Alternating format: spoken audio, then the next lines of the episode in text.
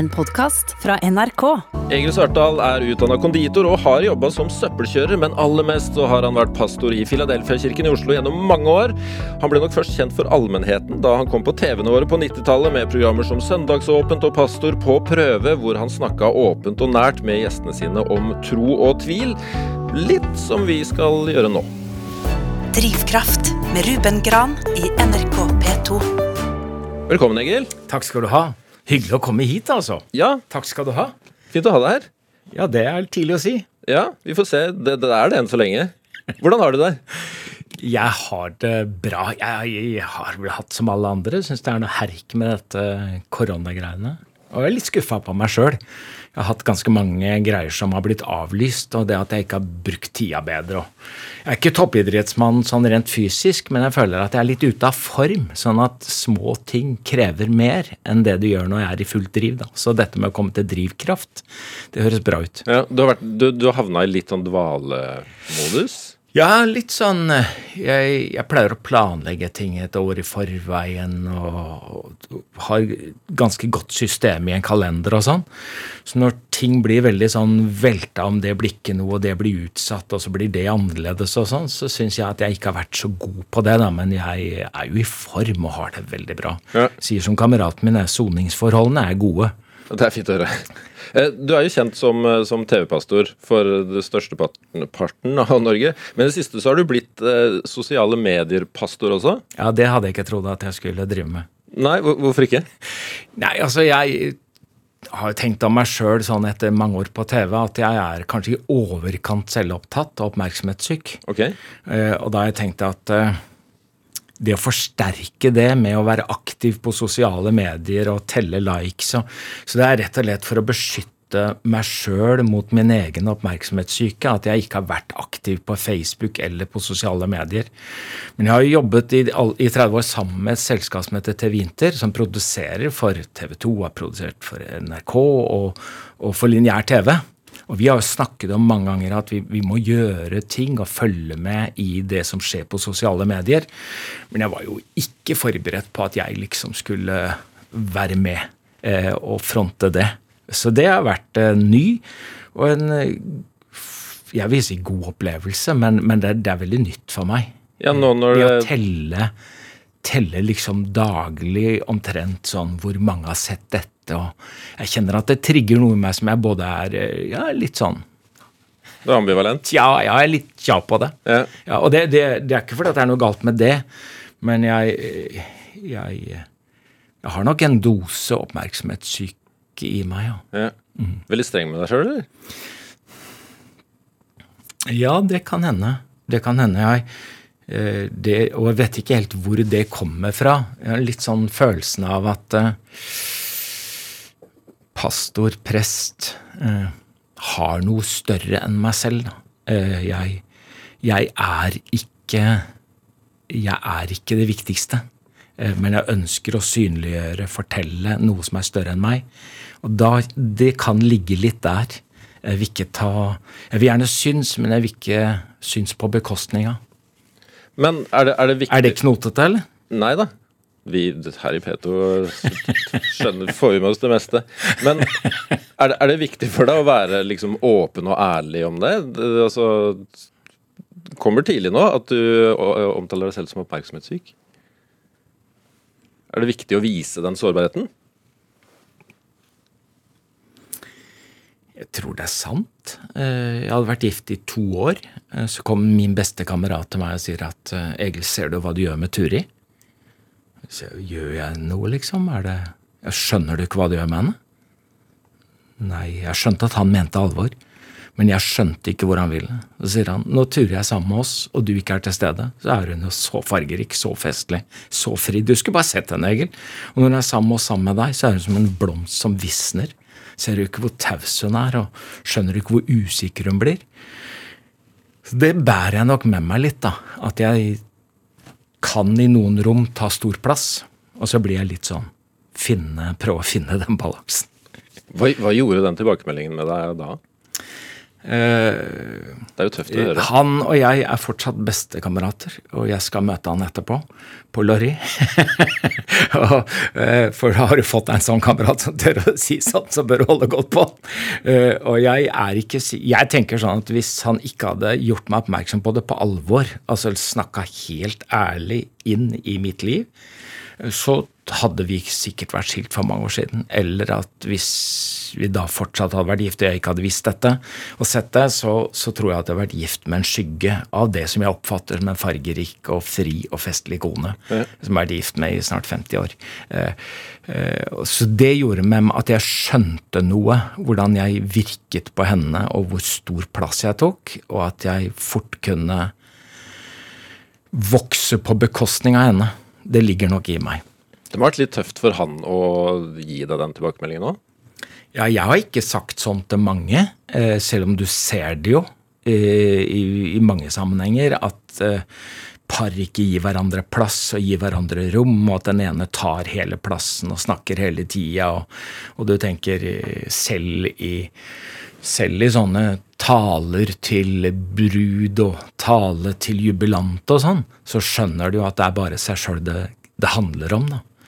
Eh, Og da tenker du Jeg ville gjerne tenke mest på bruden ja, når du taler til henne, og ikke på deg, liksom. Hvorfor gir vi ikke de tilbakemeldingene? Hvorfor er vi, hvorfor er vi så feige? Ja, det er et veldig godt spørsmål. Eh, eh, Jeg skulle ønske at jeg hadde våget det samme i større grad. Ja. Fordi at han skadet jo ikke meg. Han reddet, tror jeg, både meg og oss. Ja, for det kan jo brått slå mange veier. Litt avhengig av mottaker. Ja da, men men det å få høre sånt av noen som er så glad i deg, da, og som vil deg vel Det er jo bare sånn, det er ikke sikkert jeg hadde tatt imot det av hvem som helst, selv om flere hadde sett det og registrert det.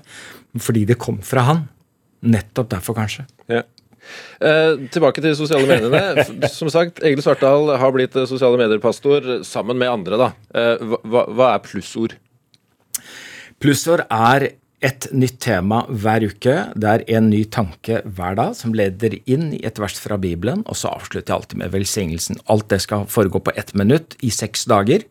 Og så blir det en oppsummering hver søndag, som blir eh, liksom en lengre på fem til syv minutter. Eh, Og første året hva gjorde jeg dette aleine. Det er på Instagram og Facebook, plussord. Og så har jeg fått hjelp av tre andre i sesong to, altså det andre året. Både Sunniva Gylver, Andreas Hegertun og Lisa Bøhrer. Så vi fire gjør det sammen en uke hver. Og så har vi nå de siste eh, det, dette, Denne våren har vi lagt til noe vi kaller plussprat, hvor den temaen vi snakker om i plussord, prøver vi å finne en gjest som har erfaring fra dette, sånn at det blir en personlig historie kobla til. Så nå har vi sendt fem av en episode til eh, som heter Plussprat, og det kobles litt i hop, da. Men det er jo en sånn 20-25-30 minutter. Hva, hva er målet, målet med det? Det er rett og slett å gi folk en god start på dagen. Eh, Det er et eller annet i velsignelsen. Det var vi helt sikre på at vi skulle ha med. Eh, Og det gjør seg veldig godt eh, på TV eller på skjerm, fordi at da ser du et ansikt. Og velsignelsen handler jo ikke sant, Herrens ansikt lyser over deg. altså Det er noe med å synliggjøre at noen ser deg. Og synliggjøre at det er en som vil deg vel. Så jeg tenker hver gang jeg lyser velsignelsen, at jeg tegner et stort smilefjes. Og jeg tenker alle har ikke en god dag, alle har ikke en god start på dagen, og mange står opp til noe de gruer seg til. Så kanskje noen kan få se et smilefjes, og så får det jeg gi det smilefjeset ansiktet akkurat den dagen. Mange ser jo ikke så mye mennesker heller Nei, nå om ikke dagen. sant? Så det, det er jo et kjempepluss. Og det er jo hyggelig med mange visninger og mange seere. Eh, vi passerte 55 000 følgere tror jeg, i vår sammenheng, og i min sammenheng så er det mange. Men det er jo enkelttilbakemeldingene som blir drivkraften. da. Det er liksom sånn, det er hyggelig med tall, men én melding hvor du skjønner at dette har betydd en forskjell for det ene mennesket i dag, det er jo ingenting som slår det. Nei. Den tida vi har gått gjennom siste ja, Det begynner jo å nærme seg halvannet år nå. Hva tror du den tida har gjort med oss?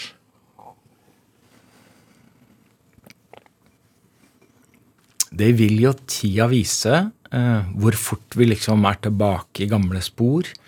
Eh, eh, jeg har iallfall oppdaga, syns jeg, nyoppdaga eller gjenoppdaga betydningen av relasjoner og møtes, at livet handler om relasjoner. Eh, det handler om folk. Eh, ikke så mye om saker, ikke så mye om temaer, men det handler om mennesker. Eh, og ikke minst kirke, da. Vi gjør jo mye digitalt, også kirkelig, og preker digitalt, og vi har gudstjenester digitalt. Og jeg tenker at det er bedre enn ingenting. Men det har jo ingen mulighet til å erstatte liksom det å møtes, være sammen. Eh, så noe av det at vi kanskje setter pris på det, og mer pris på det nå når vi har måttet vært ute, det håper jeg jo. Og så er det jo fortvila, da. Det møte barnebarn. Vi har 13 av dem. Eh, to småttiser som er så små at de skjønner jeg har ikke hørt vet jo ikke hva korona eller virus er. De kommer mot deg, liksom. Nå er jeg dobbeltvaksinert nå, da. Men det er jo ikke så lenge siden. Men, men de kommer mot deg med armene, og, de, og så, så, kan du liksom ikke klemme de. Nei, det er jo Og så Han ene han eh, hadde en kjærlighet til munnen, da. Og så ville han at jeg skulle få smake på den. Ja. Jeg kunne jo ikke la være å ta den i munnen. Oi, oi, oi. ja, ikke sant? ja, men det er jo vondt, som du sier. Jeg, jeg har til gode å møte noen besteforeldre som ikke har slitt, ja. slitt med det. Ja, det, det, kjennes helt sånn at du nesten blir syk av det, altså. Eh, fordi at de som er store nok til å skjønne litt, og at vi ikke kan smitte og sånn, men de som ikke engang skjønner, og som tror at det er sånn vi skal møte hverandre, det blir jo helt sykt. Men har du, har du, lært noe, eh, bortsett fra å bli litt råere på sosiale medier? da? Har du lært noe i løpet av den siste tida?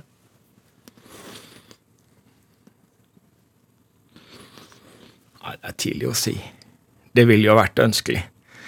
En mann på 66 lærer kanskje ikke så mye.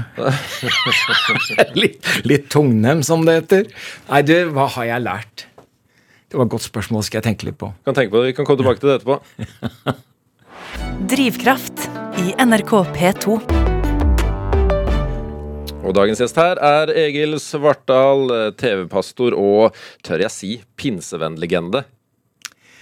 Pinsevenn, ja, men legende, tja. Ja, du har vært med en stund, da. Du, fordi... Da bør man vel ha vært det en stund, bør man ikke det? Nei da. Men for, for de som ikke helt eh, husker eller vet, hva er eh, pinsebevegelsen? Først og fremst en helt alminnelig kristent eh, trossamfunn på linje med andre trossamfunn. Det fins jo både Norske kirke, altså det som var statskirke, og frikirker, så det er et frikirkelig eh, trossamfunn med ca.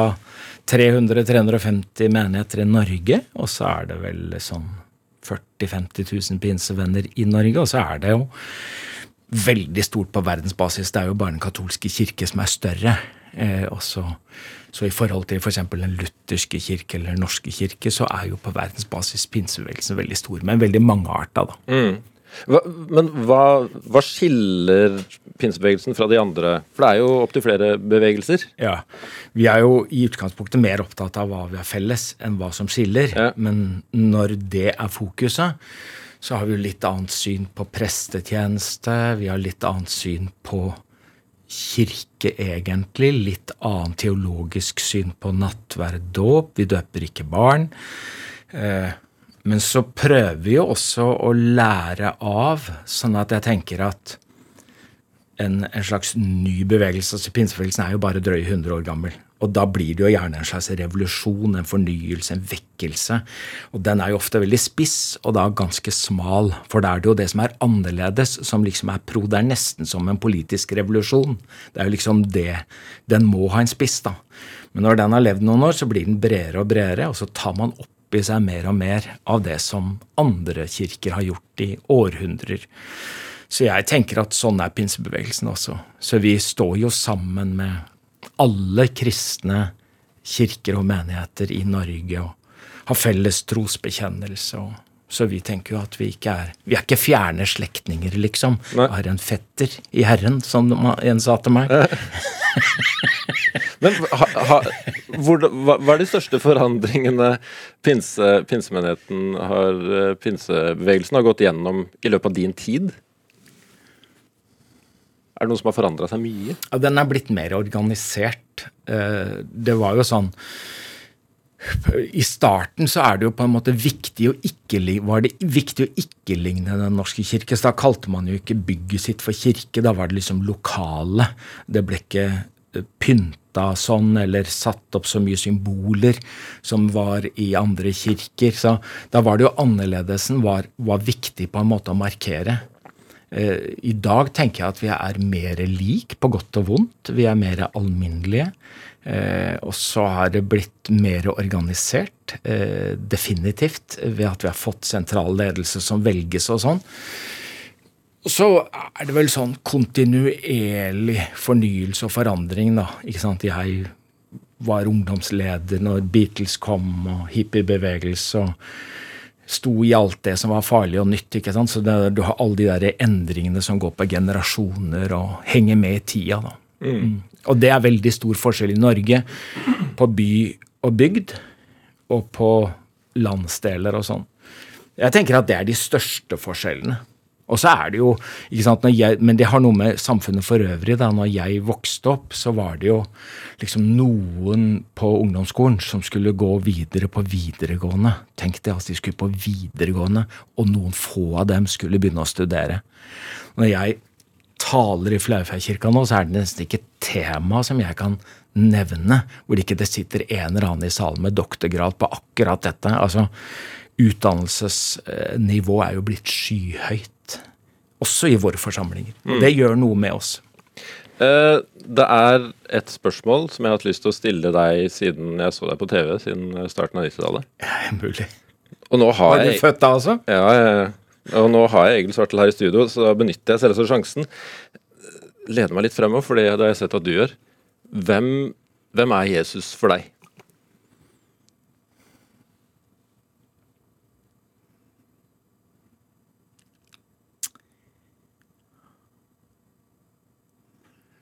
Det er eh, et fantastisk spørsmål å få. Eh, og så er det veldig vanskelig for meg å svare på uten å bli sånn floskelaktig. Men jeg vet at noen sliter med å tro, men jeg ville ikke klare å la være å tro. Og da er det veldig mye i Bibelen jeg både syns er vanskelig, og som jeg ikke forstår. Men personen Jesus er jo hele min tro. Det er, det, jeg tenker at det er Jesus som holder Bibelen sammen, men det er også Jesus som for meg gjør Gud mulig. Eh, eh, jeg tenker at alle de vrengebildene man kan ha av Gud, de er vanskelig å forholde seg til. Men hvis Gud er som Jesus, så sier jeg ja takk. Og for meg er Jesus, og sånn som jeg oppfatter Bibelen, da, at Jesus er Gud. Så det enkle svaret på det store spørsmålet ditt er at uh, for meg tenker jeg at han er alt. Ja. Det, det høres veldig svært ut. Det er ikke fordi han har mye tro og er veldig from, men han er liksom vevd inn i livet mitt som den viktigste personen. Jeg tror jeg må si det. Ja. Jeg syns du svarte bra, jeg. Ja. ja. Du har stilt det spørsmålet noen ganger selv? Ja, ja. Jeg, jeg, har gjort det fordi eh, Gud kan være så avskrekkende. Hva er det som avgjør om Gud er avskrekkende eller tiltrekkende? Eh, og da tenker jeg at eh, når Gud kommer hit og får kropp og hud, eh, så er det mye lettere å se hvordan Gud er i møte med oss. Eh, og derfor så tenker jeg at folk synes, når folk sier til meg 'jeg tror ikke på Gud', og så kan jeg da hoppe i forsvar, men jeg, jeg har mye mer lyst til å spørre hvilken gud tror du ikke på? Og så begynner folk å beskrive hvilken gud de ikke tror på. Og de har jo ikke holdt på så lenge, for jeg sier ja, ja, den gud kan ikke jeg tro på heller. Tror ikke du? Du er betalt for det. og da sier jeg nei, den gud du beskriver, jeg vet ikke hvor du har fått det gudsbildet fra. Men, men det gudsbildet du beskriver nå, skjønner jeg veldig godt at du har snudd ryggen til. Da, eh, og avvist. Eh, og Det er derfor jeg er så opptatt av å, å, høre om folk har fått sitt bilde av Gud gjennom Jesus, ligner den Gud du beskriver på Jesus, kan du da tro? Kan du da stole på? Eh, har ofte flere litt store spørsmål til deg her i dag, eh, Egil. Ja. Men, men hva, hva, hva får deg til å tvile? Eller når tviler du? Eh, Jeg tviler nok ikke så ofte på sånn grunnleggende finnes Gud. Eh, Der Det er ikke så ofte det slår inn, og da slår det ikke så sterkt inn. Det, det, det, er, ikke, det er ikke sånn eksistensielt eh, for meg. Jeg tviler på min egen forståelse. Jeg tviler i stor grad på min og vår tolkning. Eh, har vi skjønt dette riktig? Eh, blir dette rett?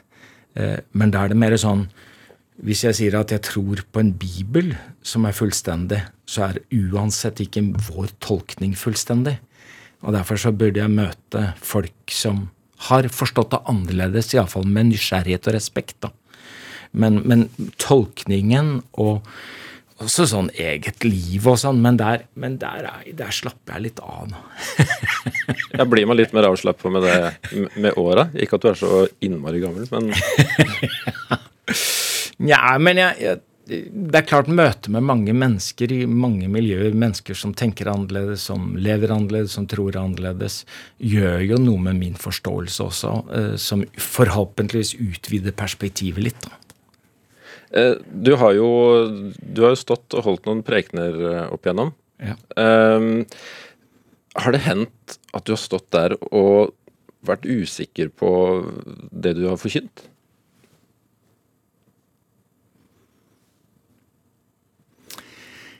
Ja, i sånn, i sånn tematikk, eh, men ikke sånn grunnleggende i troen på Gud. Og jeg har, jeg har liksom sånn begrunnet tro på Jesus. da, det er jeg tenker For meg er det sånn at det er holdbart med fornuft og hode i behold. Altså jeg, jeg sier ikke at det, det er ikke en blind tro jeg har. Jeg, jeg tror jeg har en begrunnet tro.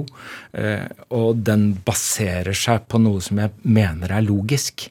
Så jeg føler jo liksom fundamentet er jeg trygg, men i tematikk så er jo jeg en som går ganske fort fra å ha lest en ting eller eh, fått hørt noe eller sett noe, la meg begeistre av det. Og da har jeg tenkt at det er fint hvis ikke alt jeg har sagt blir lagra for lenge. Hva, hva slags tematikk eh, kan det eksempelvis være? Altså tenkt på at jeg er konditor av yrke, da. Eh, Det er det jeg fikk med meg av svennebrev.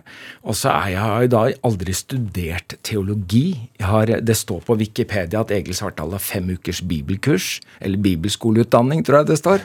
Og det, og det stemmer. Fem uker er ikke mye, da. Nei. Og så ledet jeg i konserthuset, jeg husker jeg, eh, Menighetsfakultetets 100-årsjubileum eh, i konserthuset. Og der satt jo bare biskoper og professorer og amanuensiser og alt hva det er. Og så kjente jeg jo kanskje litt på det. Så jeg sier det at eh, hvis dere går inn på Wikipedia, så ser dere at Egil Svartdal har fem ukers bibelskoleutdanning, og det kan virke litt eplekjekt overfor en sånn forsamling som dette, men jeg har respekt for at noen trenger litt mer tid. Og sjøl syns jeg kanskje at den femte uka var litt bortkasta. Og med det, da, så, så, så, så går ikke jeg ut og møter folk med en akademisk kompetanse på teologi. Og da tenker jeg at jeg nok er selvlært og har lært mye underveis. Da. Og da kan nok veien fra å ha tenkt en tanke til å dele den av og til bli for kort. Ja, kan du kjenne på hva si, teologisk eh, mindreverdighetskompleks? Det burde jeg nok, men jeg, til det kjenner jeg altfor mange teologer og jobba for tett med dem. Så det, jeg tenker at eh, forskjellen er mindre enn jeg skulle tro i det praktiske. Da. For det er klart, hvis du har en tett, tett utdannelse over noen få år, så er det klart at mye av det du hører og leser, det kan du jo ikke huske på så kort tid. Så livslæring og møte med mennesker og erfaring, det gir jo ganske mye realkompetanse. Og sjøl, i og med at jeg ikke har hatt behov for å måle meg med det akademiske systemet og karriere, så har jeg ikke kjent på komplekser, men jeg har jo hele tiden tenkt Tenk om jeg hadde visst mer om dette. Er du en av de som på Facebook-CV-en din skriver 'Livets skole'? Nei, det er så opplagt, for det står så lite annet der. men, men, når og du, du, ble jo strengt tatt pastor tidlig, ungdomspastor. Når og hvordan skjønte du at du skulle bli pastor? Mor og far hadde misjonær i India. Far ble senere pastor i Norge. Og når vi hadde besøk hjemme hos oss, vi var seks søsken, som var ganske tette egentlig, eh, så hadde jeg følelsen at de sover søskenflokken. Og liksom Hvem skal ta opp arven her, liksom? Da knøyt det seg litt sånn i meg når jeg fikk den opplevelsen. Det skal iallfall ikke bli meg. Nesten som en sånn trass. Uh, og det er en av grunnene til at jeg ble konditor. Jeg hadde liksom ingen verken tanker eller ambisjoner. Uh, og det at jeg da begynte som ungdomsleder i siviltjeneste i Flaufjellkirka, hvor jeg var aktiv, så ble jeg på en måte lurt inn litt bakveien, uten at noen lurte meg. Men de bare spurte på slutten av den tida hvor jeg var ungdomsleder, kunne tenke deg å ta et år til etter siviltjenesten. Og så spurte de kan du ta et par år til. Og så spurte kan du være med i ledelsen, kan du være med som pastor, kan du være ungdomspastor? Og da hadde jeg verken behøvd å ta stilling til om det var noe jeg ville bli, eller om det var noe jeg skulle utdanne meg for. Eh, det var noe jeg ble, på en måte. Det er nesten sånn Har du lyst til å være med og snekre? Og så blir du snekker. Mm. Bare, og, og, her, er det lov? Ja. Og her sitter du. Og her sitter jeg, ja. Men Vi kommer nok litt tilbake til, eh, til eh, karrieren din som ungdomspastor. Men du, du, er jo kjent som hele Norges TV-pastor. Eh, ikke så mange av de i Norge da du starta med det. Hvordan, hvordan endte du opp på TV?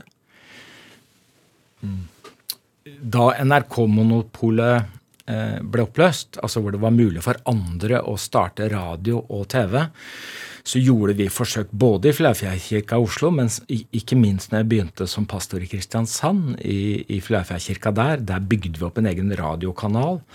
Og der gjorde vi eh, ganske store prøver med flerkamera TV-produksjon.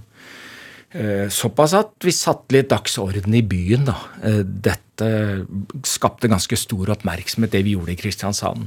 Såpass mye at de i Oslo, i Flaufjellkirka, syntes at jeg kunne bidra med noe hvis Altså, kan du komme og hjelpe oss i Oslo? Og da lagde vi noe vi kalte Under åpen himmel, som skulle gå på lokal-TV. Og så ble det sendt 13 regioner i Norge etter hvert.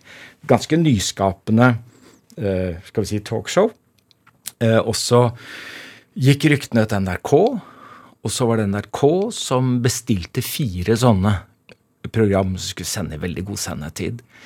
Uh, og vi tenker enormt. liksom, NRK, vi har vårt program, liksom, vårt konsept, og jeg som programleder. og jeg, jeg skal ikke ha capslocken på når jeg sier at uh, en kveld når jeg skulle sove, så kan det ha vært en drøm eller et syn eller jeg så et program. Dan Børge Akerø, gjest. Eh, Oslo Gospel Choir synger. Og Odd Kåre Rabben, den unge gutten som hadde fått hiv-aids, han skulle være gjest. Og jeg skjønte at det var mer enn en god idé, for jeg, satt, jeg lå jo og så det programmet. Og jeg sier det til de andre, og de blir så begeistra for det er en kjempeidé, det må vi få til. Og så var det jo ingenting av det som klaffa. Det er merkelig å få så god idé, og så ikke funke. Men så ble jo alle planene til disse helt gjort om, så i løpet av kort tid så var alle på plass. Og Dan Børge skulle slutte da, eller hadde slutta som underholdningssjef i NRK TV. Skulle bli redaktør-direktør i den nye riksdekkende TV-kanalen. Er gjest i dette programmet. Det er over en million seere. Det er Dagbladet, VG, og det er veldig svært, liksom. Eh, og så er døra åpen, og det blir Dan Børge som sier du må begynne på TV 2. Og så er det han som presenterer meg som TV-pastor, da. Det var på en pressekonferanse i juni 1992. Jeg møter hele det norske pressekorpset, jeg er skitnervøs. ikke sant? Jeg kommer som pastor, og Dan Børge legger opp til en sånn Og her skal dere se! Og så, så la opp til en applaus som aldri kom, da. Klaus Wiese jobbet for Dagbladet, og hånda i været roper høyt Det blir tungetall på TV 2 nå, da! Så tenkte jeg, hva svarer jeg til dette? Og så bare sier, hører jeg Dan Børge si ja, ja, ja, ja, men det blir tekstet. så eh, det var starten, da. Da ble det, da, da ble det kalt TV2-pastor eller TV-pastor, og da var det jo ikke så mange andre som hadde begynt med det. Nei. Ja, for det var jo TV-pastor, men strengt tatt i praksis også en programleder. Var det, var det naturlig, Føltes det naturlig for deg? Det må ha vært noe Dan Børge så eh, i det programmet og kanskje tente på. Eh, det han sa, var jo at jeg ville ikke ha en religiøs avdeling, sånn som det var der hvor han kom fra. Han ville ha en pastor, da. Det er klart han tenkte eh, tabloid. Han tenkte at en pastor, er bra, liksom. Så jeg får både skylde på og takke Dan Børge for at han åpna den døra. Om, han, om, det ble som han hadde drømt om, det tror jeg vel ikke, men Du tror ikke det? Ja, Det vet jeg ikke hva han drømte om. Hva er du mest stolt av fra TV-karrieren din? Der er miks, eh, fordi at jeg har snakka med mye kjente folk eh, som er kjent for så veldig mye annet og at de har valgt og vært villige til å åpne seg om noe så nært og personlig og intimt som tro og gudsrelasjon, det har jeg tatt som en tillitserklæring. Eh, også folk som har trodd og tenkt helt annerledes enn meg. Jon Michelet f.eks. gjorde et dypt inntrykk på meg. Altså at folk som i utgangspunktet er artister, men vil undres, eh, åpne seg for tvilen på sin ateisme, åpne for muligheten Per Fugelli. Eh, det har fascinert. Men sånn i det lange løpet så er det nok møtet med de sårbare eh, Det er de som har eh, Ja, jeg tenker av og til at diamanter er veldig De skinner veldig godt på mørk bakgrunn. Og noen av de har satt spor i meg. Noen jeg traff ved var, Det er liksom 25 år siden eh, som jeg ikke klarte å slette telefonnummeret til. En jente jeg traff på gata, som jeg har prøvd å spore eh, og fått kontakt med. Eh, to karer på Emma Hjort eh, som eh, var feilplassert som småunger. Har levd et helt liv sammen. En stum og døv en lam i beina. Begge to var klare i huet, men var på helt feil sted. Det er klart at det gjør inntrykk. Ja. ja. Du, med de programmene, tok jo på en måte kristendommen til veldig mye flere deler av Norge enn det man ville gjort fra en talerstol i, i en menighet. Men så, hva tenker du om kristendommens plass i Norge i, i, i dag? Jeg tenker at, eh, at den preger oss nok mye mer som samfunn og nasjon enn det den preger hver enkelt person i en personlig tro. Det er klart at hele vårt menneskesyn, hele vårt demokrati altså Hvis du tenker deg at dette bygger på noen verdier eh, som vi i dag ikke ville tenkt er genuint kristne, men mange av de verdiene er jo opprinnelig kommet gjennom menneskesyn eh, som jeg tenker preger oss som nasjon da, og vår historie, vår identitet. Noe som jeg kanskje sånn nasjonalt sett skulle ønske at vi var tryggere på. Eh, Istedenfor å presse all religiøsitet og all religion inn i privatsfære. Der tror jeg den er mye farligere. da. Jeg tror den burde leve mye mer åpent og at vi som kristne og kirke skulle ønsket at muslimer, hinduer, andre religiøse retninger skulle vært mye mer synlige og framme i hele vårt, vår kultur. Eh, det tror jeg hadde vært mye sunnere. At vi kunne møte hverandre med større respekt og forståelse. Jeg tror det er farlig å presse religiøse retninger inn i lukka rom. Eh, eh, men som enkeltmennesker men tenker jeg sånn at Norge kan ikke kristnes med lover. Norge kan ikke kristnes med vedtak i Stortinget. Så jeg tenker sånn På den ene siden handler det om lover og samfunn ovenifra. Eh, og så har Kirka alltid også hatt en plass hos i det nære, hos det enkelte mennesket. Eh, så både i struktur, men også i personlig forvandling, altså mennesket, det enkelte menneskets syn, tro og liv. Da. Og der vil jo jeg si at vi lever jo Vi er jo blitt veldig sekulære. Og det er kanskje sekularisering av kirka som er den største utfordringen, ikke sekularisering av samfunnet. Vi skal ta oss en eh, liten eh, puss i bakken. Hvorfor ikke? Ja, det, Med musikk som du har med deg, en sang jeg vil påstå er en eh, Altså, er det noe som er en frikirkehit, så er det den låta her. Du vet vel om at du er verdifull, av Ingmar Olsson. Hva, hva betyr den sangen for deg? Eh, Ingmar Olsson var den første konserten jeg var på.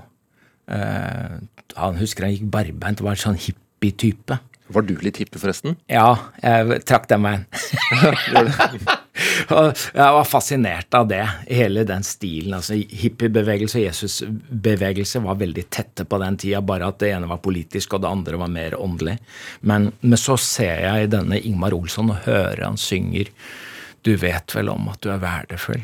Og det er klart, som tenåring å prøve å finne seg sjøl og hvem er jeg, og litt sånn skam fordi jeg var kristen, og fordi jeg kom fra pinsemenigheten, og hvem er jeg midt i dette livet? Og så hører jeg 'du vet vel om at du er verdifull'. Det traff meg jo midt i hjertet, altså. Og den får du her i Drivkraft nå. Ingmar Olsen, altså. Du vet vel om at du er verdifull. Du vet vel om at du er verdifull. Er viktig her og nå. At du er elsket for din egen skull. For ingen annen er som du. Det finns allt för som vill tala om att du bör vara si och så. Gud fader själv, han accepterar dig ändå och det kan du lita på. Du vet väl om att du är värdefull att du är viktig här och nu. Att du er elsket for din egen skull. For ingen annen er som du. Du passer inn i själva skapelsen. Det finns en uppgift just for dig.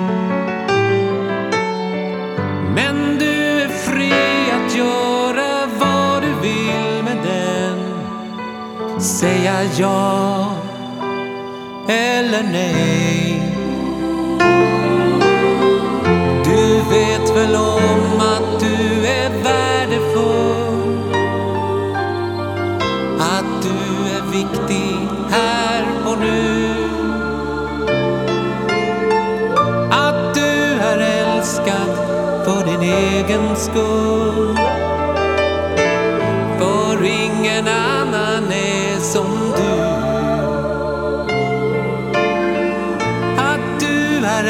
är for din egen skull.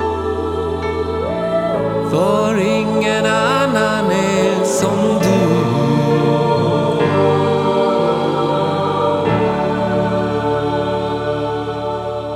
Lyden av Egil Svartdals eh, ungdom, eh, kan vi vel si. Ingmar Olsson eh, med og med 'Du vet vel om at du er verdifull'.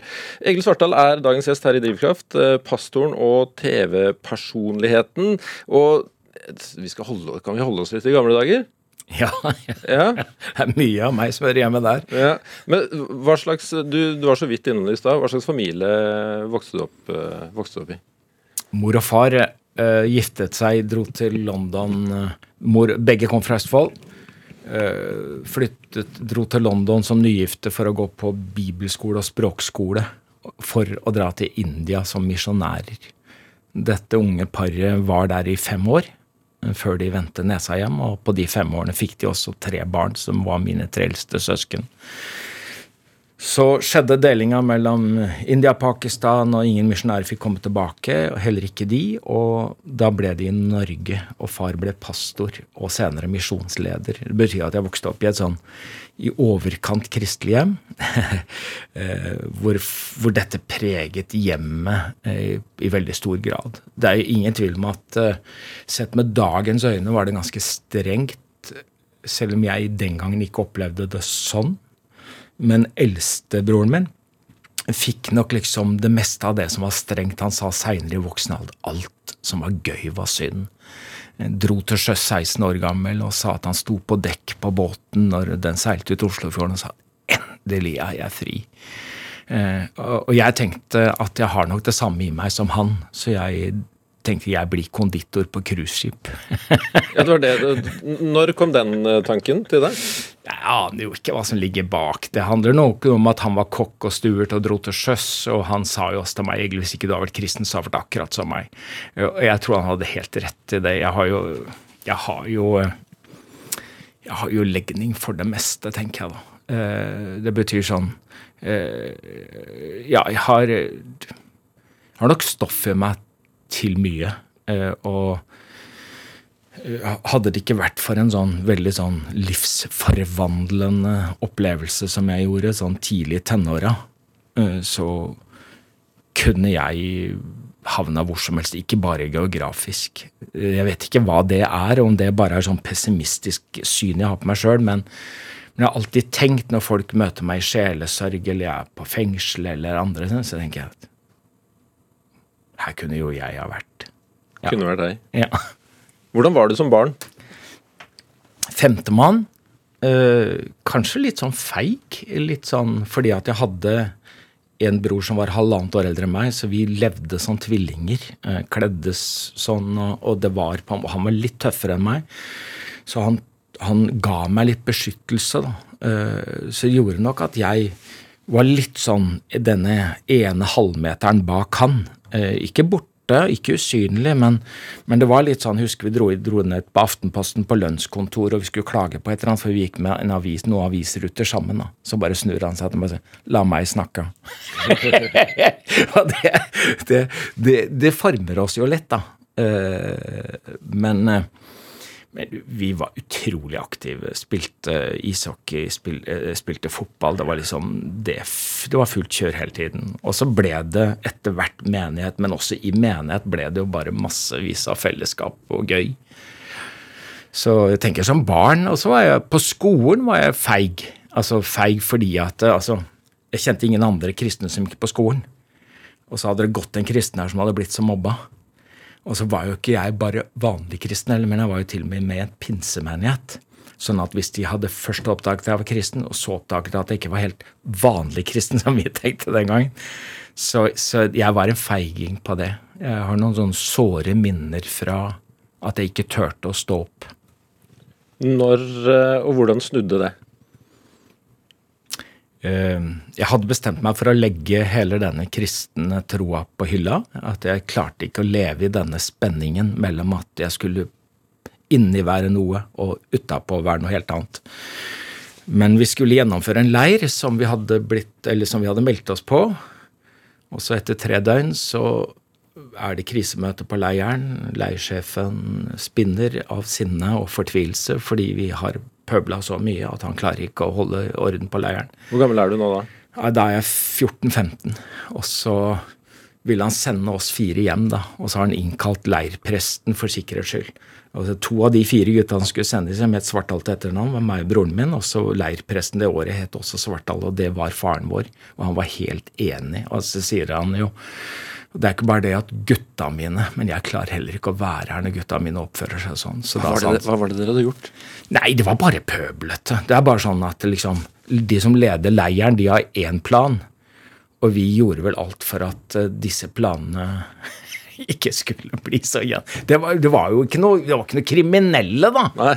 Er, vi snakker pøbel, liksom. Mm. Og, så, og, da får vi en prøvedag, uh, fordi at uh, fattern ville reise også. Og så skjer det noe som jeg ikke klarer å sette ord på, men som forvandlet livet mitt. Eh, det nærmeste jeg kommer en beskrivelse, er at som om Gud omfavner meg. Som om jeg fysisk, sjelisk, opplever meg elsket av Gud. Eh, så går det an å beskrive opplevelse, men for meg er det viktig hva førte det til. Og det som skjedde, gjorde at feigingen ble frimodig, og jeg fikk et indre formidlingsbehov. Altså, Hvis du tenker deg at det ytre presset er sånn at du presses innover og innover, og innover, og så må du skjule det så godt du kan, og så får du et indre press som vil skyve det utover. Og det var akkurat det som skjedde. da. Så nå, nå fikk jeg veldig sånn behov for å fortelle alle, og, og fortelle eh, hvem Jesus var, og hva han betydde for meg, og, og hvorfor alle måtte få høre om han. Så da dro jeg liksom plutselig som 16-åring til Karasjok, ikke sant. Jeg skulle hjelpe bakeren i Karasjok, da, men, men, det var jo, men det var jo egentlig å fortelle jeg ville. Du skulle ut og misjonere, du? Ja, ja, ja. ja. ja Til nordlendingene? Ja, ja, ja, Det var i Karasjok. Når, når, jeg var ferdig på, på bakeriet sånn ved totida og fikk slappe av litt, så gikk jeg alene fra dør til dør eh, og hilste på folk og snakka med folk. Da kan man snakke om omvendelse, ja. Eh, helt sånn. Eh, og det var veldig sånn Så apropos drivkraft, liksom. Hvis jeg da tar med i fortellingen at her er det massevis av oppmerksomhetsbehov og også ambisjoner, personlige ambisjoner, men at i bånn her er et formidlingsbehov. At jeg, jeg, har en fortelling jeg gjerne ville ha fortalt, og gjøre folk kjent med. Noe. Kan det være vanskelig, syns du, å skille mellom det, det kallet, da?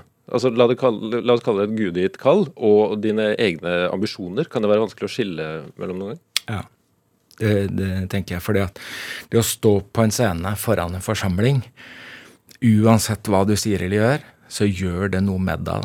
Det gjør noe med å få alles oppmerksomhet. Eh, og hvordan klare det. Så det er klart jeg har rotet i et ekteskap, jeg har rotet i en familie hvor vi har fem barn. Det er klart de, Det blir litt sånn jorda.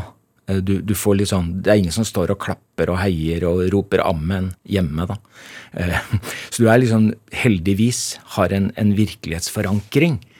Men det er klart at denne type synlighet, og så kommer TV i tillegg, og skjerm, det er klart, det, kan, det har ødelagt mange folk, det.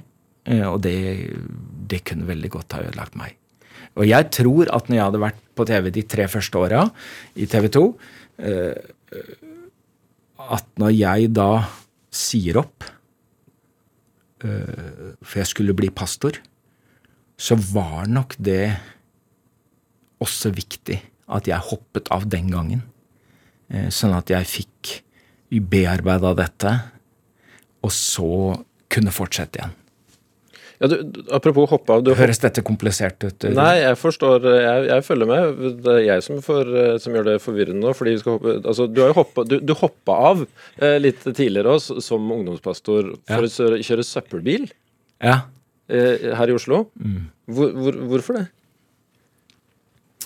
Helt sikkert helt alminnelig gode, vanlige grunner for å ta seg en annen jobb. Men hvorfor ble jeg ikke konditor? Men det er litt sånn opplevelse av også at jeg hadde behov for å finne ut uh, hvem er jeg hvis jeg ikke er pastor? Hva, hva tror jeg da? Hvordan, hva, hva, hvem er jeg når jeg ikke Det er nesten sånn du har bygd et bygg, og så river du stillaset, så lurer du på om bygget også rakner når stillaset går.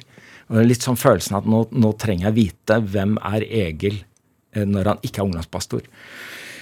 Og da var det greit. Og så var det klart, så jobber du med folk, så er hvert menneske uerstattelig og umistelig. Og så nå sitter jeg da med søppel på, på bilen og tenker at går i grøfta, så er det søppel av meg. Det var noe befriende deilig, da. Og så var det litt sånn, jeg tror litt sånn dypere i den fortellingen, så er det også litt sånn at man av og til skal gi avkall på og gi slipp på noe. Eh, for litt å se hva som er drivkraften. Og så kanskje du kan ta det opp igjen for at du har bearbeida motivene dine litt. Det er nok en del av den historien. Hvor krevende er det å lede Norges største frimenighet? Ja, nå har jeg gjort det, vært sånn hovedpastor i, i, i mange år. Også i 2008 så spurte jeg om jeg kunne om vi kunne finne en annen løsning. Etter det har jeg hatt en veldig avgrensa tjeneste og sitter ikke i det ukentlige og daglige, sitter ikke i lederskapet og er ikke der det tas avgjørelser, men jeg er en av de faste forkynnerne. Men det er krevende, det. Det å være pastor. Du skal se enkeltmennesket, og skal du lede en helhet. Og så er det jo Filadelfia kirka Oslo er såpass stor at vi snakker om sånn 40-50 ansatte, liksom. Altså det er en svær stab. Og så Da er det totalt sånn at du har ansvar for en virksomhet, i tillegg til at du skal se enkeltmennesker. Og så har vi vel kanskje 1000 frivillige medarbeidere. De, de skal jo også ses. Og så skal du finne en kurs i dette. Ja da, det skal ikke være lett, vet du. Men det er utrolig inspirerende. Det, det, må jeg si, altså. Jeg, eh, de som er heltene for meg, det er de som er alene prester ute i en bygd eller ute på en øy, eller pastor i en liten menighet hvor de kanskje ikke treffer noen hvis de går på dette menighetskontoret sitt. Og så treffer de de samme 25 folka i forsamlingen, uke etter uke. De er helter. Jeg som får lov å være en del av en stab og se mye folk og være sammen med mye flotte, inspirerende folk, ikke minst mange unge, det er jo eh, Du blir ikke helt av det, altså. Eh, du, du, har jo blitt en eh, representant for pinsebevegelsen offentlig gjennom ditt virke. Er, er det spørsmål du har, tatt, har, har, slitt med å ta stilling til offentlig i den rollen?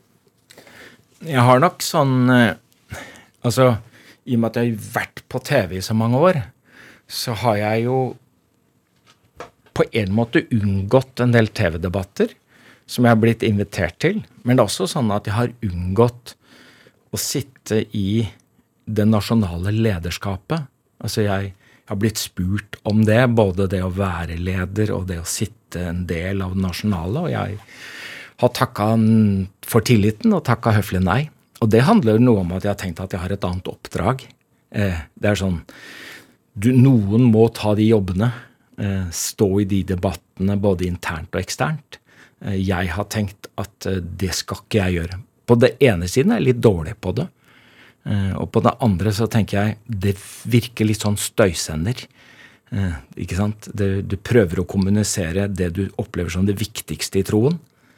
Og så blir denne type spørsmål som kirker og kirkesamfunn må ta stilling til, det blir litt støy, da.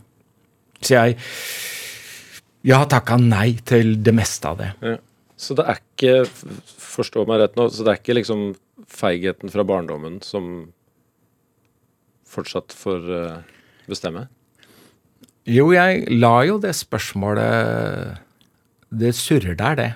Når jeg blir spurt om å være med på Skal vi danse og sier nei når jeg blir spurt om å være med på Farmen kjendis eller Fire stjerners middag. altså sånne... For du har blitt spurt om det? Ja, alle sånne reality-greier. Det er jo hyggelig å bli spurt. Det er jo nesten sånn Jaså, ja, de husker meg enda, er ikke dårlig idé.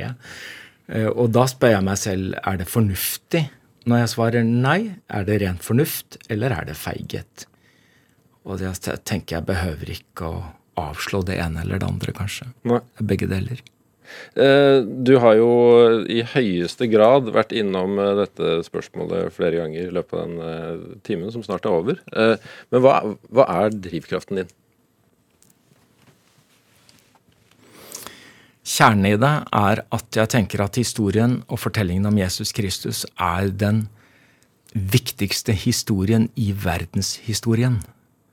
Og det er helt uavhengig hva du tror, eller hvordan du tror, eller hvor mye eller lite du tror. Jeg tenker at den historien til den personen har preget verden mer enn noen annen, og preget flere mennesker enn noen andre. Eh, og jeg har gitt meg til å fortelle den historien. På ulike måter, gjennom mange folk og gjennom mange slags kanaler. Men det er nok drivkraften. Og så tar jeg med alt det andre som handler om meg og mine greier. Men, men i bånn er det den historien jeg tenker den lever jeg for å fortelle. Når jeg først har uh, deg her, Egil Svartdal, og vi nærmer oss slutten. Uh, Kan du avslutte med å lyse velsignelsen? Er det mulig? jeg elsker det, vet du. Jeg tenker jeg tegner et stort smilefjes på himmelen. Kan jeg si det bare rett ut? Vær så god. Så Da må du som hører dette, ta det imot. Her kommer det. Herren velsigne deg og bevare deg. Herren la sitt ansikt lyse over deg og være deg nådig. Herren løfte sitt ansikt mot deg og gi deg fred. I vår Fars, i Sønnens og i Den hellige ånds navn. Egil Svartdal, tusen takk for praten. Og du kan selvsagt høre flere drivkraftsamtaler der du finner podkastene dine. Denne uka her har vi hatt både Gro Dale og Emil Mek innom i studio.